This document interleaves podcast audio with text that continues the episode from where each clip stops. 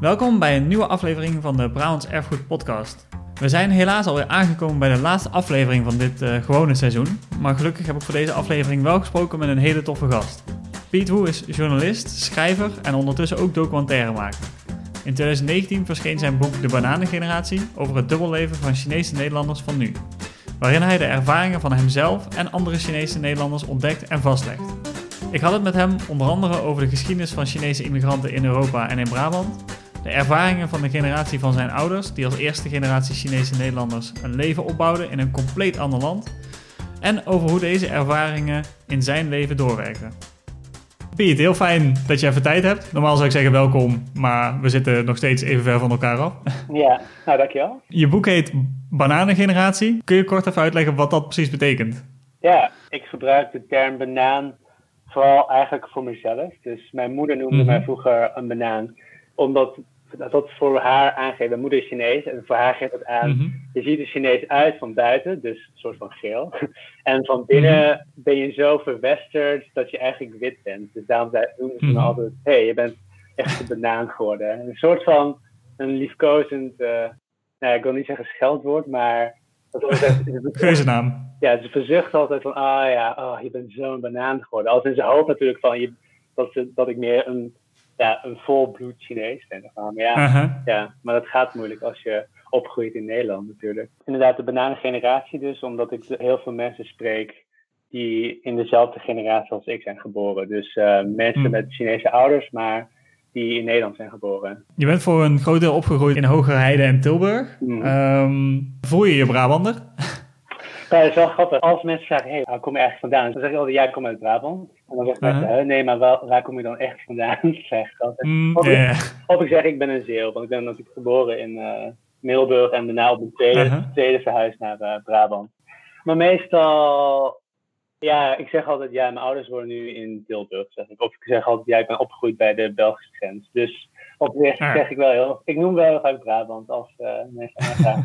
Ja. Dus het zit, wel, het zit wel een beetje in je uh, gevoelsidentiteit dan? Of? Ja, ik denk ook wel dat het sterker is geworden sinds ik naar de Randstad ben verhuisd. Omdat het geeft toch een beetje aan of zo, ja, het idee het klinkt al heel anders als je zegt ik ben opgegroeid in Brabant, als als je zegt ik ben opgegroeid in Twente of zo. In ieder geval qua gevoel mm. of zo. Vooral nu ik in Amsterdam woon, is het, ja, ik weet niet, het is toch een deel van je identiteit. Want daarmee onderscheid je jezelf toch een beetje van andere mensen. Oh, oh kom je ook uit Brabant? Meestal dat idee. Maar, ja. ja.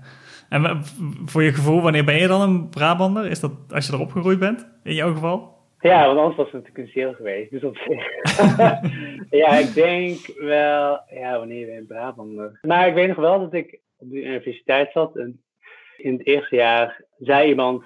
Ja, de Piet die klinkt echt. Die klinkt zo Brabant. Sorry, hè? Ik klink Brabant. Maar ik dus altijd. echt, ik denk 17, eh, 18 jaar lang dacht dat ik dus ABN praat. oh ja, dus toen uh, gaf dat was ook al zo'n soort van reality check. Dat ik dus toch Brabants klink of zo. En, ja. Toch meer Brabant erin je zat dan je, dan je dacht. Ja, maar vooral, ja, ik heb wel toen geprobeerd mijn accent uh, wat te verminderen. Dus, dus ja, dus, uh, het is altijd een, ja. identiteitsding, denk ik ook. Ja, precies. En je bent toen uh, van Tilburg naar de Randstad verhuisd. Mm. Merkte je toen verschil um, naar hoe er naar je gekeken werd als Chinese Nederlander? Of was dat vergelijkbaar? Als Chinese Brabant was dat anders. nou, laten, laten, we wel zeggen, mensen zien natuurlijk niet dat ik uit Brabant kom. het, is het is natuurlijk niet het eerste wat ze denken. Maar ik denk wel dat mensen al wel een bepaald beeld van mij hebben als ik zeg, oh ja, ik uh, woon hiervoor in Tilburg of zo. Uh, Ja, ik denk dat de, het meest bekende vraag is, denk ik gewoon, ja, oké, oh, dus jij gaat nu naar huis, want je gaat carnaval vieren, toch? Meestal. Mm. Maar dus altijd in het begin van het jaar dat mensen dat daarvan uitgaan. Terwijl carnaval niet echt een onderdeel was van mijn jeugd. Dus eigenlijk, mm. ja, al gek, heel gek als Brabant. Maar we vieren het nooit. Als je het over een ankerpunt van de Brabantse identiteit hebt, is dat het misschien wel eentje. Ja. Die dan bij jou niet van toepassing is. Ja, maar dat komt denk ik weer door mijn Chinese ouders. Die hebben heel lang een snackbar al, zeg maar. En dat voor hun is dat een van de drukste tijden van het jaar. Zeg maar, mm -hmm. piektijd. Maar wij mochten dan nooit carnaval vieren. Ja, toen was het toch een beetje, ja. een beetje oud. Van, oh ja, dit is iets wat de locals doen. en wij, gaan, wij uh, moeten dan gewoon gaan werken. Dus voor ons is dat niet iets, zeg maar. Dus daarom heeft, heeft dat niet echt een rol gespeeld in mijn jeugd. Als we het toch over uh, carnaval hebben. Ik denk dat je niet aan het komt of zou mogen ontkomen misschien wel om uh, in het gesprek wat we hebben om het ook over racisme te hebben. En je schrijft in je boek over racisme in, tijdens carnaval. Daar heb je ook vaker over geschreven. Hoe, hoe kijk je daarna? Hoe ervaar je dat? Je schrijft over zo'n carnavalskraker die, als je het eufemist die wel uitdrukt, uh, uh, Chinese Nederlanders op de hak neemt. Maar ik denk dat op de hak nemen bij lange na niet sterk genoeg uitgedrukt is. Ja. Um, hoe kijk je daarna? Hoe, hoe ervaar je dat? Nou, ja, ik, ik schrijf mijn boek en een groot deel uit mijn boek bestaat natuurlijk uit het idee hoe het is om op te groeien in Nederland terwijl je er niet traditioneel Nederlands uitziet. En dan natuurlijk mhm. heb je dan inderdaad te maken met discriminatie of racisme. En ik denk dat wat er gebeurt tijdens carnaval, ik wil niet zeggen dat dat zeg maar, uh, altijd zo is of zo, maar een liedje wat ik noem in mijn boek gaat heel erg in op de stereotypen die, die er al bestaan rondom mm Chinezen of Aziaten of Oost-Aziaten. Uh, of iemand die eruit ziet als een Oost-Aziat. En dan gaat het toch uh, de andere kant uit dan als het bijvoorbeeld satirisch was bedoeld. Satirisch is natuurlijk dat je een grap maakt op iemand die eigenlijk, die je probeert, ja, hoe zeg je dat? Je, bijvoorbeeld een politicus of zo, of iemand, mm de koning of zo, iemand die zeg maar tussen aanhalingstekens hoger staat. Ja. Dat is satire, maar. Maar het idee om dan bijvoorbeeld Chinese Nederlanders soort van neer te trappen, ja, die staan niet op een manier hoog of zo. Die hoef je niet scherp te houden of zo. Dat is mhm. gewoon zo'n, ja, eigenlijk een onzichtbare groep of zo. En die pak je dan of zo tijdens carnaval. Ja. En, en, ik wil niet zeggen dat dat dus altijd gebeurt in alle carnavals niet zo, maar er zijn natuurlijk gewoon een paar bekendere mm -hmm. carnavalsknallers die iedereen kent, die, waarbij dat wel gebeurt. En voor mij als Chinese Brabander is dat natuurlijk, ja, het voelt gewoon een beetje verkeerd. Omdat voor iemand die carnaval viert, is dat natuurlijk gewoon, ja, leuk. Maar voor mij is dat natuurlijk gewoon, duurt dat mijn hele leven. En dat komt dan bij carnaval, ja. omdat het misschien wat sterker eruit. Maar ik denk dat heel veel mensen niet meekrijgen, is dat, dat, ja, ik word zo vaak ineens vanuit het niets uitgezonden of zo, omdat ik er natuurlijk mm. anders uitzie. Terwijl ik me van binnen wel een Brabander en een Nederlander voel. Dus ik denk dat daar dat onzichtbare spanningsveld dat mensen niet zien, dat dat een, ook een groot onderdeel is in mijn boek. Maar natuurlijk ook gewoon in de levens van heel veel Chinese Nederlanders en Brabanders. Dat is dan ook je tegenargument tegen mensen die zeggen: ja, het is maar een grap, dus je moet niet zo moeilijk doen. Maar voor jou is dat iets wat je te vaak of eigenlijk altijd hoort. Ja, voor mij, ja, het is heel gek, maar voor mij is dat natuurlijk ook gewoon een groot onderdeel van mijn leven is me verhouden tot de grote massa die er vaak niet uitziet zoals ik. Mhm. Maar dus voor mij is dat natuurlijk eigenlijk ook een soort van normaal om steeds te, elke keer als ik een kamer binnenstap of uh, een groep of een evenement, dan is het altijd zo van, ah ja, huh, ga ik dan naast de enige andere Aziat zitten? Want dan denken ze dat we bij elkaar horen. Terwijl als je mhm. bijvoorbeeld wit bent, een witte Brabant, dan denk je daar natuurlijk niet echt over na. Of, ik denk van, hmm, nee. wil ik gegroepeerd worden? Moet ik me. Terwijl, ja, je wilt niet over nadenken, maar toch doe je het. Omdat je dat je hele leven al gewoon gewend bent. Maar dus, ja, ja. En die verhoudingen worden natuurlijk gewoon heel erg op scherp gesteld. Zodra zo'n carnavalslied je soort van direct aanspreekt op je anders zijn. En dan ook nog op een negatieve manier. Dus ja. Het is niet zo dat mensen een Chinese slash Aziatische aanwezigheid in heel Europa iets is van de laatste eeuw. Of de laatste 50 jaar of zo. Ja, Zo'n aanwezigheid is er al veel langer, denk ik. Kun je daar iets over zeggen? Ja, ik denk omdat de Chinese gemeenschap, als er echt een Chinese gemeenschap mm -hmm. is, natuurlijk zo onzichtbaar is dat mensen niet beseffen dat de eerste Chinese migranten al meer dan 100 jaar geleden in Rotterdam aankwamen, bijvoorbeeld. En dat we mm intussen zitten we aan de wat is het, derde of vierde generatie. En er zijn ongeveer 100.000 Chinese Nederlanders, dus echt Nederlanders van Chinese afkomst. Dat is meer dan mensen denken. Dus de vierde grootste niet-westerse migrantgroep in Nederland. En mensen denken altijd van, ah ja, er zijn er maar een paar of zo. Of je kent ze alleen van Chinese restaurants of snackbars. Maar ja, het, het, is, ja, er kan nog wel aan gewerkt worden in zichtbaarheid. Want dat is natuurlijk ook een van de dingen waardoor mensen denken, oh, zijn er zoveel Chinese Nederlanders uh, in Nederland? Ja, en wat je zegt in heel Europa eigenlijk. Maar mensen zullen misschien inderdaad eerder nu denken aan de, de eerste paar golven Chinese immigranten van na de Tweede Wereldoorlog, waar dan ook jouw ouders ja. um, tussen zaten. Ja. Kan je vertellen waarom zij vertrokken uit China en waarom, waarom ze ook specifiek misschien voor Nederland kozen? Nou, voor mijn ouders specifiek, ja, ik kan eigenlijk vooral spreken voor mijn ouders natuurlijk. Die, uh, zij, de, zeg maar, mijn oudoom, dus de oom van mijn vader, die had al een, restaurant in Zeeland. En even denken, mijn tante woonde hier ook al. Dus voor mijn vader was het heel erg uh, logisch om naar Nederland te verhuizen. En het is natuurlijk voor een groot deel uh, het idee dat, dat West-Europa een soort van uh, land der dromen is. Dus het idee van, oh ja, mhm. daar kun je het maken, daar kun je gewoon makkelijk geld verdienen, want dat heb ik gehoord van familie die er al woont. En dus is het voor ons soort van logisch dan dat, het, dat dan ook zo die droom dan na te jagen. Dus voor, mm. uh, ja, dus eigenlijk voor financiële redenen, maar ook het idee van, oh ja, daar ligt het geluk, want daar verloopt het uh, voorspoedig. Dus uh, zij hadden natuurlijk ook niet kunnen voorspellen dat China twintig jaar later een, soort van booming, uh, booming industrie en ja. wereldmacht zou worden. Je ouders hadden dan al wel wat familie in Nederland, maar hoe, hoe zijn die eerste jaren geweest voor hun in Nederland? Weet je dat? Dat moet natuurlijk een heel erg. Uh, het is nogal een stap om naar nagenoeg de andere kant van de wereld te verhuizen. Ja, ik had het beseft dat ook pas sinds mijn boek af is.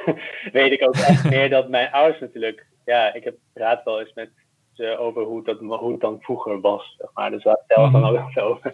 Ja, mijn ouders hadden natuurlijk ook gewoon nooit gedacht dat ze op hun 25ste naar een ander land zouden migreren waar ze de taal niet kenden, waar ze niet eens weten hoe ze eten moeten bestellen. Weet je wel? Dus voor hun is het, hmm. was dat een hele grote stap. Terwijl ik denk, ja, ik ben nu 34 en alsof ik op mijn 25ste naar een land zou vertrekken waar ik de taal niet ken, waar ik niet weet hoe je moet pinnen, waar ik niet ja, waar ik eigenlijk niks kan als ik geen internet had gehad. Dat hadden zij natuurlijk destijds ook niet. Dus ja, ik denk dat het voor de, hun eerste jaren best, nou ik wil niet zeggen moeilijk, maar ja, mijn moeder die wist amper hoe ze naar de bakkerij moest om een brood te kopen of zo. Het was vooral, hmm.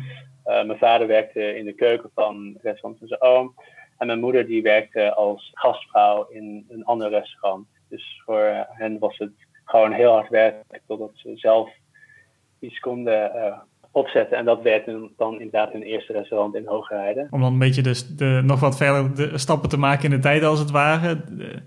Nu dit boek geschreven, verbeteren als het niet zo is, maar een belangrijk thema is denk ik dat het voor jou een beetje een zoektocht is van naar hoe de ervaringen van je ouders jouw leven gevormd hebben. Mhm. Eh, en dan natuurlijk hoe dat bij andere uh, Chinese Nederlanders uh, zit. Kun je daar iets over vertellen, over hoe dat ja, hoe die ervaringen door, doorgeappt zijn als het ware in jouw leven of doorgeëchoed zijn? Ja, ik denk dat het grootste ding is, mijn ouders die hebben een, een best wel een kleine wereld. Normaal gezien is hun leven 30 vierkante meter groot. Namelijk een snackbar in mhm. Brabant. Dat is gewoon hun leven. Ze kijken tv, ze hebben tegenwoordig wel ook internet op hun smartphones. Dus de wereld is hier iets groter. Maar wat ik natuurlijk als kind van Chinese migranten vooral zie, is natuurlijk ook de verschillen met de ouders van andere kinderen om mij heen. Mm, dan denk ik mm. van, oh ja, maar hun ouders die doen wel dit. Ik denk dat sowieso ieder kind dat wel heeft. Maar bij ons natuurlijk, mij en mijn uh, broers en zusje, ik was zag het verschil gewoon heel goed. Van, oh ja, want zij praten over hun emoties of zo. wat, wat, wat wij niet leren. Dus wat dan zien we ja. op televisie, zie je dan, ik weet het niet, zeg maar, uh, wat voor programma's. Maar dan denk je van, oh ja, dat is iets wat wij dan niet hebben of zo.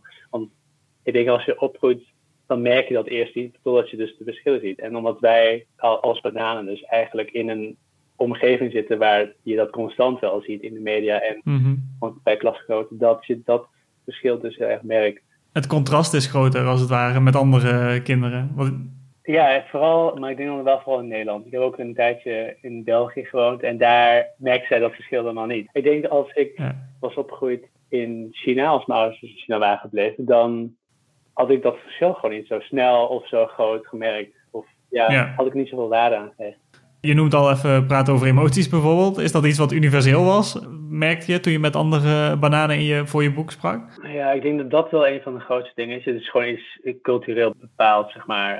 Uh, dat de individuele emoties natuurlijk niet een prioriteit krijgen. Dat is gewoon wat heel erg ingebakken zit bij Chinese migranten.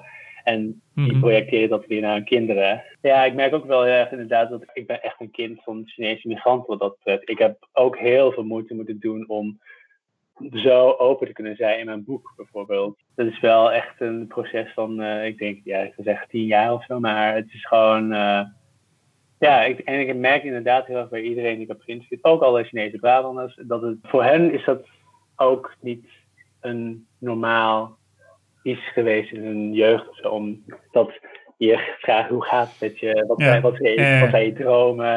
wat, weet je, dat, dat, maar ze hebben dat natuurlijk ook nooit echt gedaan. Het was meer, dit zijn de verwachtingen en eh, ja, het, eigenlijk moet je gewoon daaraan houden. Weet je dat. Je hebt in je boek heb je het ook over de mediarepresentatie eh, van Chinese Nederlanders en Aziaten in het algemeen. Je schrijft bijvoorbeeld hoe klein het percentage rollen is dat is, wordt gespeeld door Aziatische acteurs in Hollywoodfilms. Ja. Als je dan naar het Brabantse of het Nederlandse verleden of het Brabantse of Nederlandse erfgoed kijkt, herken je je dan daarin? Eh, als je het over representatie hebt? Nee, ja, ik denk een van de redenen waarom ik zelf natuurlijk een heel boek heb geschreven en dat ik nu een hele serie aan het maken ben, is Mhm. omdat ik mezelf gewoon nooit terugzag. ik moest tijdens mijn boekpresentatie moest ik dus ook zelf huilen om mijn eigen speech, wat heel erg pathetisch klinkt, maar ik besefte toen ineens, toen ik een speech aan het houden was van, oh ja, dit is echt wat ik zelf vroeger had gewild, dat iemand een boek schreef Mm. dat ook echoot in mijn eigen levenservaring. Ik heb dat namelijk Ja. letterlijk nog nooit teruggezien. Als in, als mensen zeggen, ja, dan ga je toch lekker een Chinese serie kijken. Ik denk van, ja, maar dat gaat over mensen in China. En ik ben niet een Ja. Chinees in China. Dus mijn ervaring als kind van Chinese migranten is gewoon veel unieker dan, zeg maar, je zou... Dat zie ik gewoon niet terug in de mainstream media. En daarom dacht ik, ja, dit boek schreeuwt er om, om gemaakt te worden. En ehm die vraag is dan nee. Ik, juist omdat ik mezelf niet terugzie of wat ik terugzie in de geschiedschrijving is te beperkt om mijn ervaring te correct. Ja, en een mooie verbinding met je boek ook, dat dat eigenlijk is wat je zelf had gewild, als het ware. Dat klinkt natuurlijk heel logisch, omdat je het zelf hebt geschreven, maar dat je, dat je de realisatie had van ja, dit is iets wat hopelijk zijn weerklank vindt bij andere mensen zoals ik, op wat voor manier dan ook, die zeggen van ja, maar ik zie mezelf niet terug in, in dit geval dan in de media. Dat was ook waarom ik huilde tijdens mijn eh, speech. Mhm. omdat ik een bericht voorlas van iemand die dat boek al had gelezen, zeg maar, de week van tevoren. Die zei van ja, Mhm. ik heb nog nooit dit kunnen meemaken. Van, ja, ik, die dacht dat het niet mogelijk was of zo. Dat iemand Ja. in de mainstream haar verhaal zou kunnen vertellen of iets wat lijkt op haar leven of zo. Dus eh, Ja. toen dacht ik, oh ja, dit doet dus blijkbaar wel iets of zo. Ik hoop gewoon heel erg dat mijn boek en eh, de serie die ik heb gemaakt, dat dat een soort van startschot is voor andere Chinese Nederlanders om ook te denken, oh ja, ik kan dit ook. Of oh ja, ik kan dit beter. Of oh ja, ik wil ook iets maken. Of oh ja, ik kan dit schrijven of maken. Of Ja, dat dat dus helpt bij ja, de geschiedschrijving en de, wat er gemaakt kan worden en welke verhalen verteld kunnen worden over ja, Chinese Nederlanders Brabant. het vastleggen van die, eh, van die ervaring ook wel, Ja, eh, als je het over geschiedschrijving hebt. ja, omdat het natuurlijk een notoir eh, onzichtbare groep is geweest. Overal is het gewoon tijd om wel die verhalen te vertellen en op te schrijven. Dat lijkt me een hele mooie, mooie afsluiting. En voor mensen die het boek nog niet gelezen hebben, ga het vooral lezen. Zeker nu. Ja. Eh, als je nu tijd over hebt, eh, toevallig. eh, In die, als je in die gelukkige omstandigheid bent. Eh, Piet, heel erg bedankt voor je tijd. ja, graag gedaan. Achtergronden bij deze aflevering vind je op de afleveringpagina op brabantserfgoed.nl slash podcast. Daar vind je ook de andere afleveringen van dit seizoen en van voorgaande seizoenen. Piet noemde in ons gesprek ook al zijn documentaire. Die maakte hij samen met Willem Timmers en die is vanaf 8 juni te zien op vpro.nl. Zoals gezegd is dit de laatste aflevering van het seizoen. Gelukkig staan er nog een hoop andere gave dingen op de kalender van brabantserfgoed.nl. Zo begint in juni onze themamaand over missie en is ook de themamaand over mode in augustus het noemen waard. Bovendien, en hier kijk ik echt heel erg naar uit eigenlijk, eh, lanceren we in het najaar een hele nieuwe maandelijke podcastserie in samenwerking met een aantal Brabantse musea. Daarnaast zullen we nog regelmatig zijn met andere speciale podcastafleveringen. Wil je niks missen? Abonneer je dan op de podcast in je podcast-app en op de brabantserfgoed.nl nieuwsbrief via brabantserfgoed.nl slash nieuwsbrief.